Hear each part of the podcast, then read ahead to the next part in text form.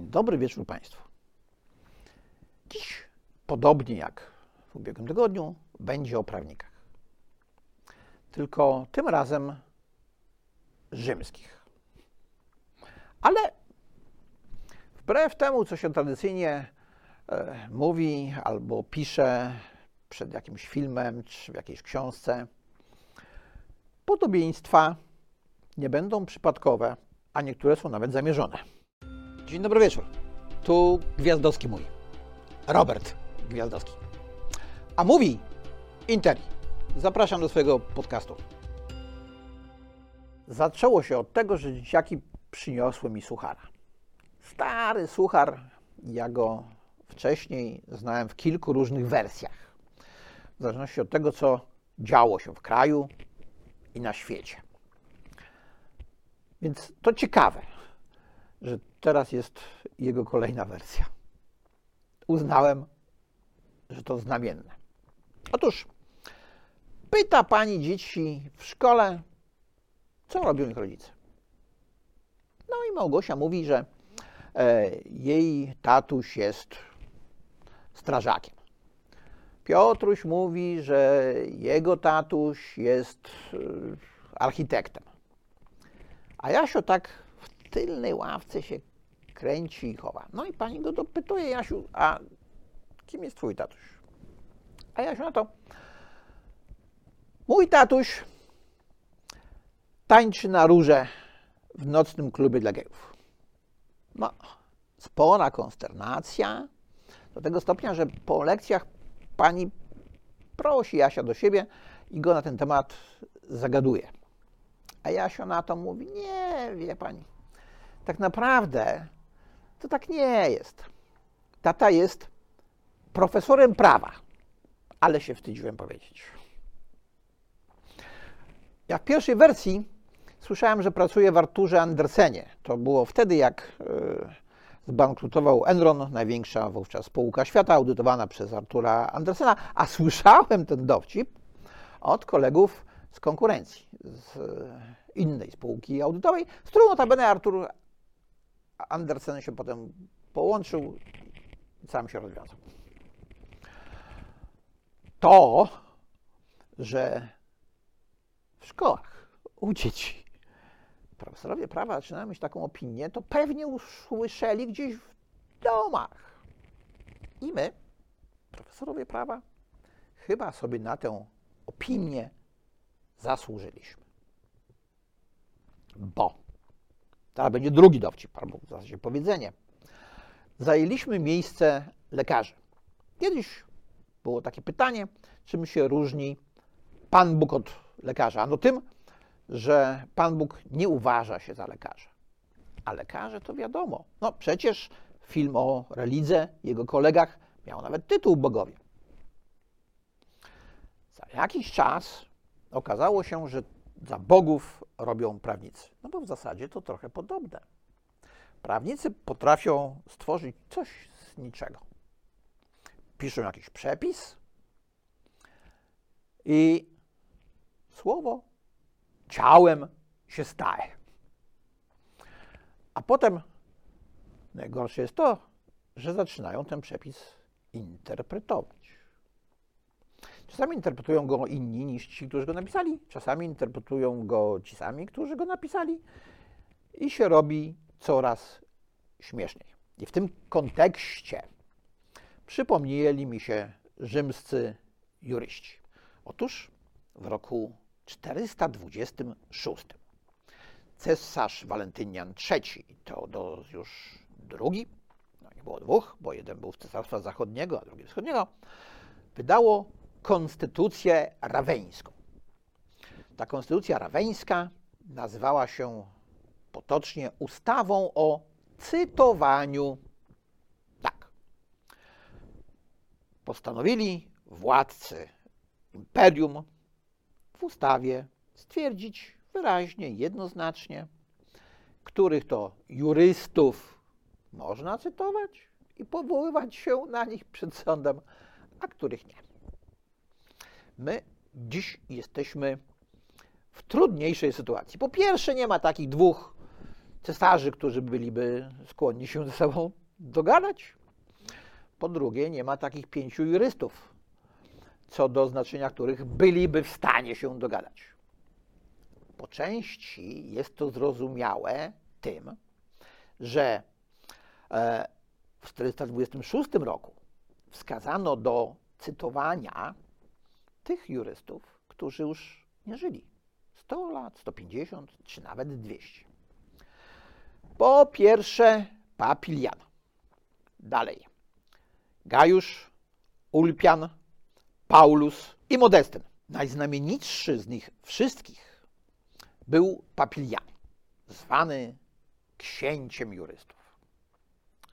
To znamienita rzeczywiście postać, bo on był doradcą cesarza Septyliusza Severa, który pod koniec swojego życia podzielił się władzą ze swoimi synami. Karakalą i Getą. Jak umarł, to jego synowie, którzy od dzieciństwa się nienawidzili, znaleźli się w dosyć niejednoznacznej sytuacji, no bo ich władza nie była podzielona ani rzeczowo, ani terytorialnie. Papilian próbował ich jakoś pogodzić, ale mu się nie udało. Kalakala zamordował Getę i kazał Papilianowi, który uchodził za najwybitniejszego znawcę prawa, uzasadnić swój czyn przed Senatem i ludem Rzymu. No i Papilian powiedział tak. Łatwiej kogoś zamordować, niż morderstwo usprawiedliwić. A powtórę, jest różnica między zamordowaniem kogoś, a oskarżeniem niewinnie zamordowanego. I w związku powyższym sam został zamordowany przez Karakale. Ścieli go toporem. Nie mogę się oprzeć wrażeniu, że dziś ustawiłaby się kolejka gotowych uzasadnić czyn Karakali. No bo przecież taka sytuacja dwuwładzy to jest niezręczna. Można by się było obawiać, że ten geta to on będzie chciał być może zamordować Karakale. W związku powyższym ten Karakala to niby taki e, usprawiedliwiony.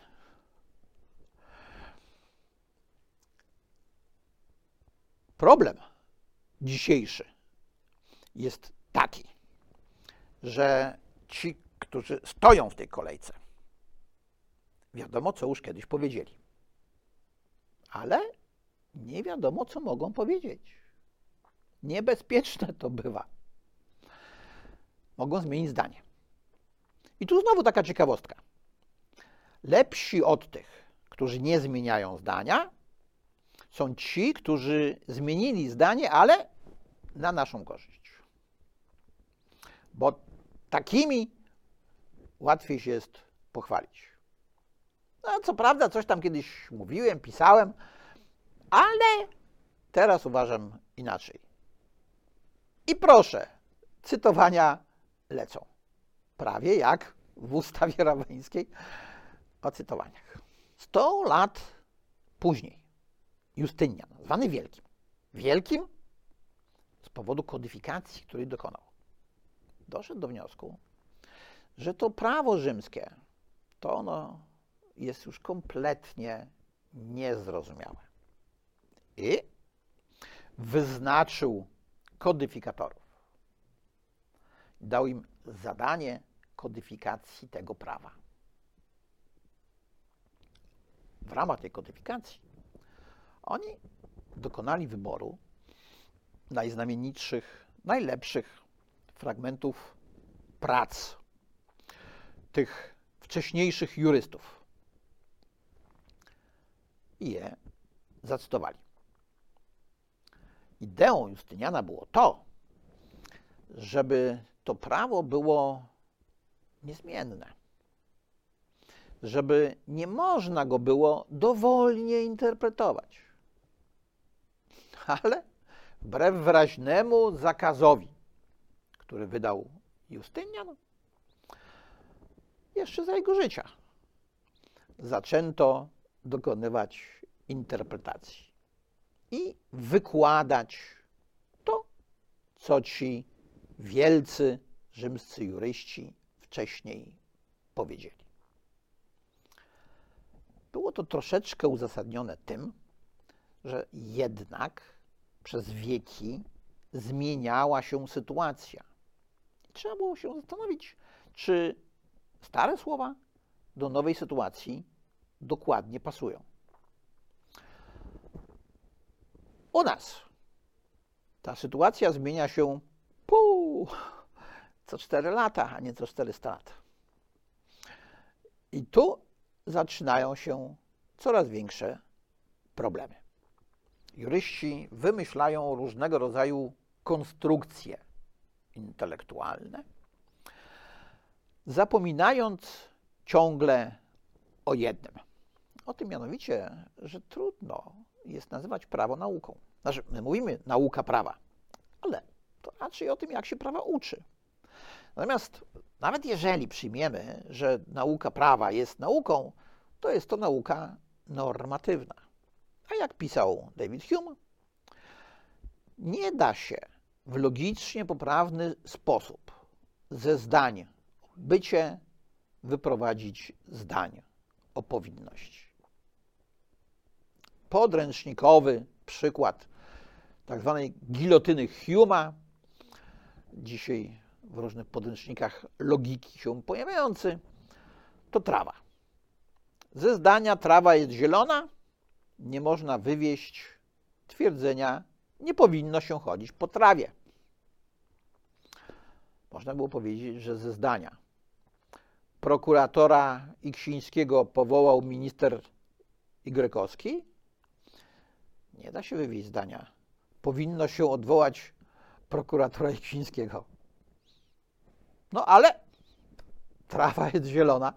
W związku powyższym nie należy chodzić po trawie. Tak to teraz wygląda. I będzie wyglądało coraz gorzej, bo proces wykładni prawa jest sam w sobie skomplikowany, a co gorsze, my mamy skomplikowane umysły i skomplikowane podejście dotyczące nas rzeczywistości. No bo zgadzamy się co do tego, że po części jesteśmy tworem biologii, a po części tworem wychowania. Mamy taki, a nie inny zasób genów. Wychowywali nas rodzice, dziadkowie, wychowywaliśmy się w takim, a nie innym środowisku.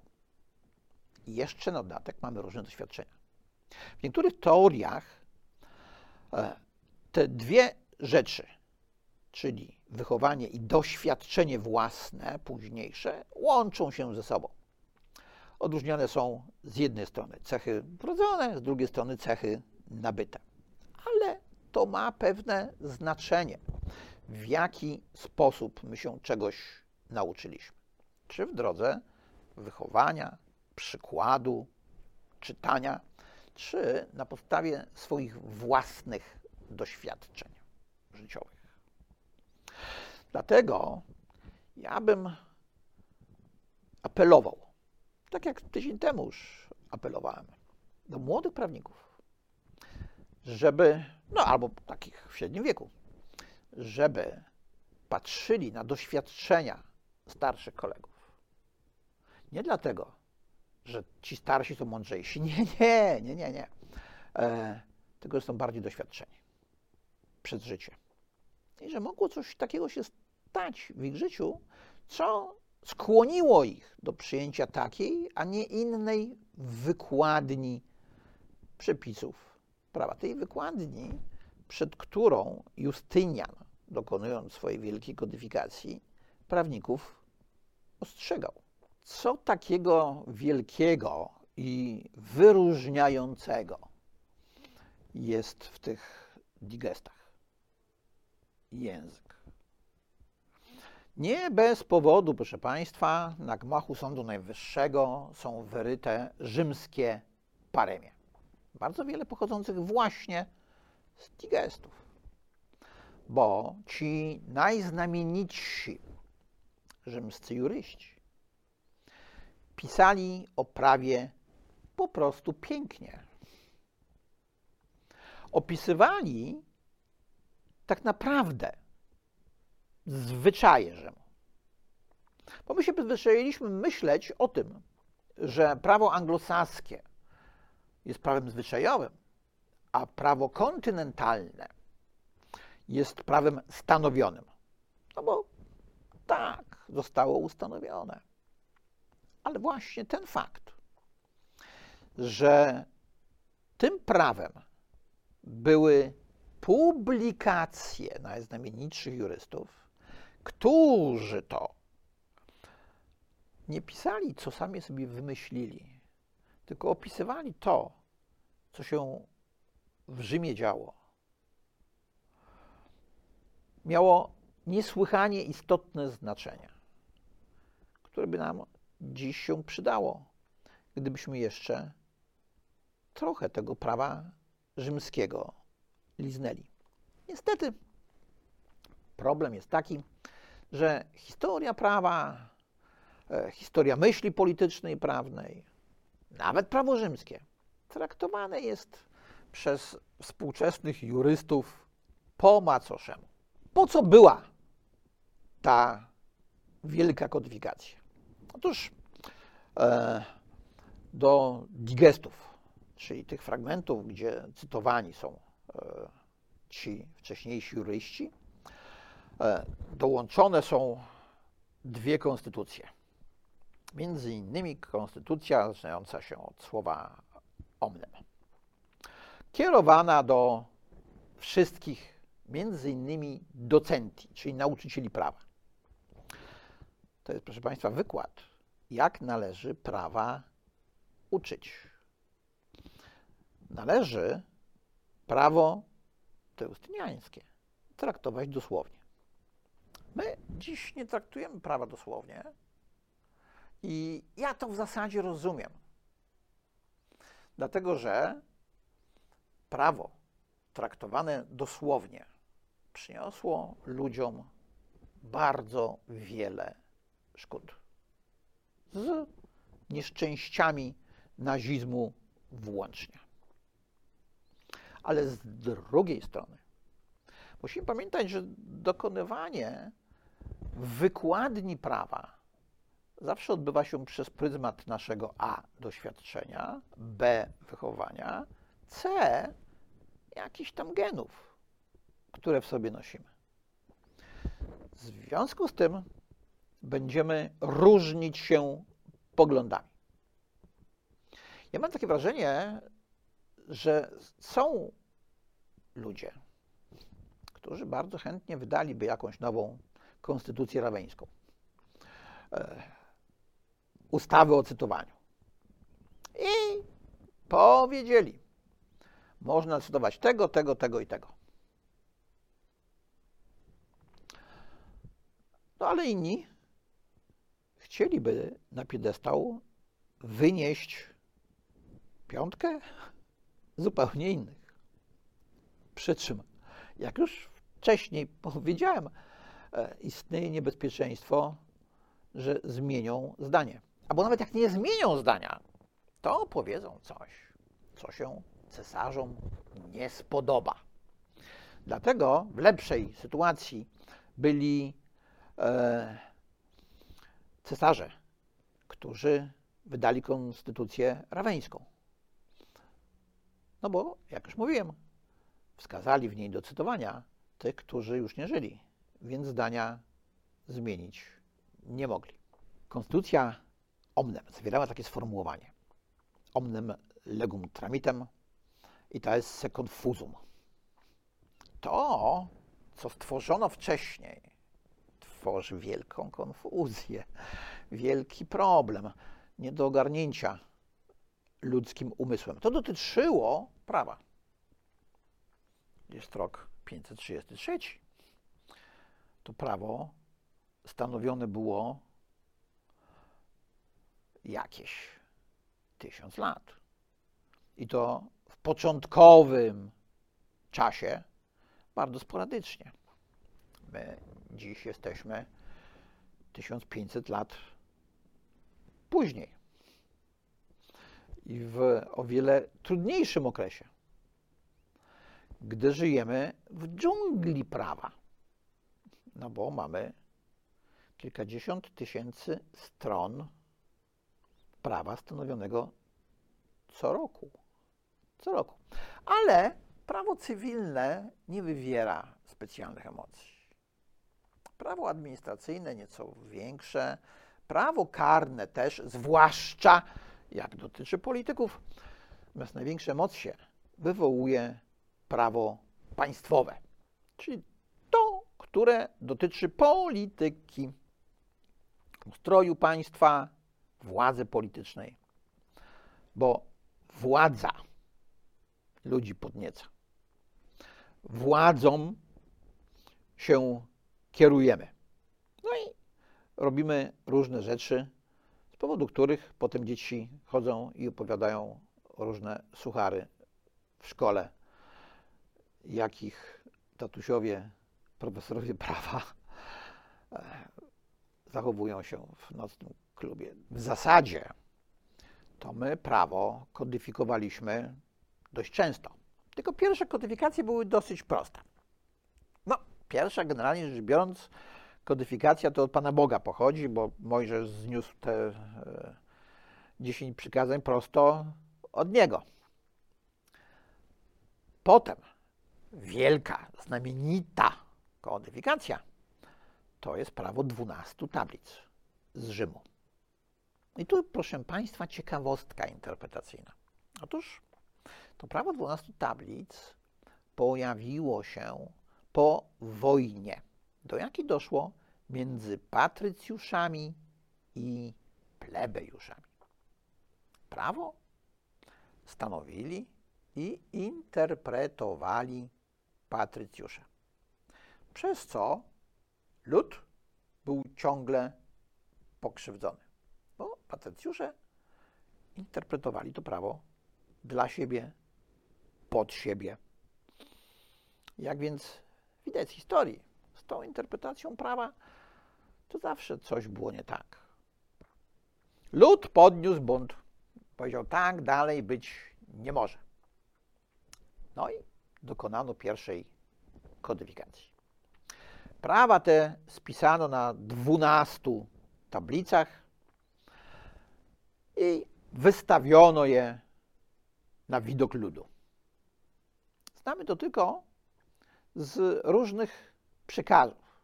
Ani tych 12 tablic się nie zachowało, ani dokładny opis, co na nich było, tylko wyrywkowo można te przepisy e, rekonstruować. Tak jak powszechnie się uważa, że Grecja dała światu filozofię i kulturę, tak e, Rzym dał światu prawo. Ale jest pewna ciekawostka. Otóż autorzy dwunastu tablic w poszukiwaniu tego prawa, które miało zostać skodyfikowane, pojechali do Grecji. No bo pewne zasady to już tam funkcjonowały. Tylko Grecy ich nie opisywali tak dokładnie i tak elegancko, jak to zdarzyło się zrobić Rzymianom. Grecy byli bardzo eleganccy w swoich definicjach matematycznych, geometrycznych. Tu Rzymianie byli bardziej praktyczni. Nie zajmowali się geometrią euklidysową. Oni zajmowali się wyliczeniami. Pod jakim kątem mają strzelać? żeby to, co wystrzelą, spadło po drugiej stronie rzeki na obóz nieprzyjaciela. Ale jeśli chodzi o przepisy prawne, to wykazywali się taką samą dbałością o szczegóły, jak Grecy przy definicjach geometrycznych. My z jednych i z drugich. Niestety o tej tradycji jednych i drugich dziś zapominamy. I w tym, co robimy, żadnej elegancji nie ma. Istotne jest właśnie to, od czego się zaczęło. Od sporów o wykładnie prawa. No bo każdy dokonuje wykładni pod siebie, kierując się swoimi własnymi przekonaniami na zamku w Kurniku. Jest biblioteka. Biblioteka Kurnicka. Tam w tej bibliotece, proszę Państwa, znajduje się jeden z manuskryptów digestów. My go mamy w Polsce. No, oczywiście jest to tak cenny manuskrypt, że nikt go sobie nie wypożyczy, żeby pooglądać. Ale było wiele opracowań, warto do nich zajrzeć. I to jest nie tylko myśl dla młodych adeptów, studentów prawa. To by się przydało także starszym jurystom. Poszukać jakiegoś papiliana, jakiegoś urpiana. Na dziś to będzie wszystko. I zapraszam za tydzień. Znowu wymyślę coś, żeby podgrzać emocje wśród jurystów. Do zobaczenia i do usłyszenia. Na dziś to już by było na tyle. Dziękuję bardzo i zapraszam na następny odcinek.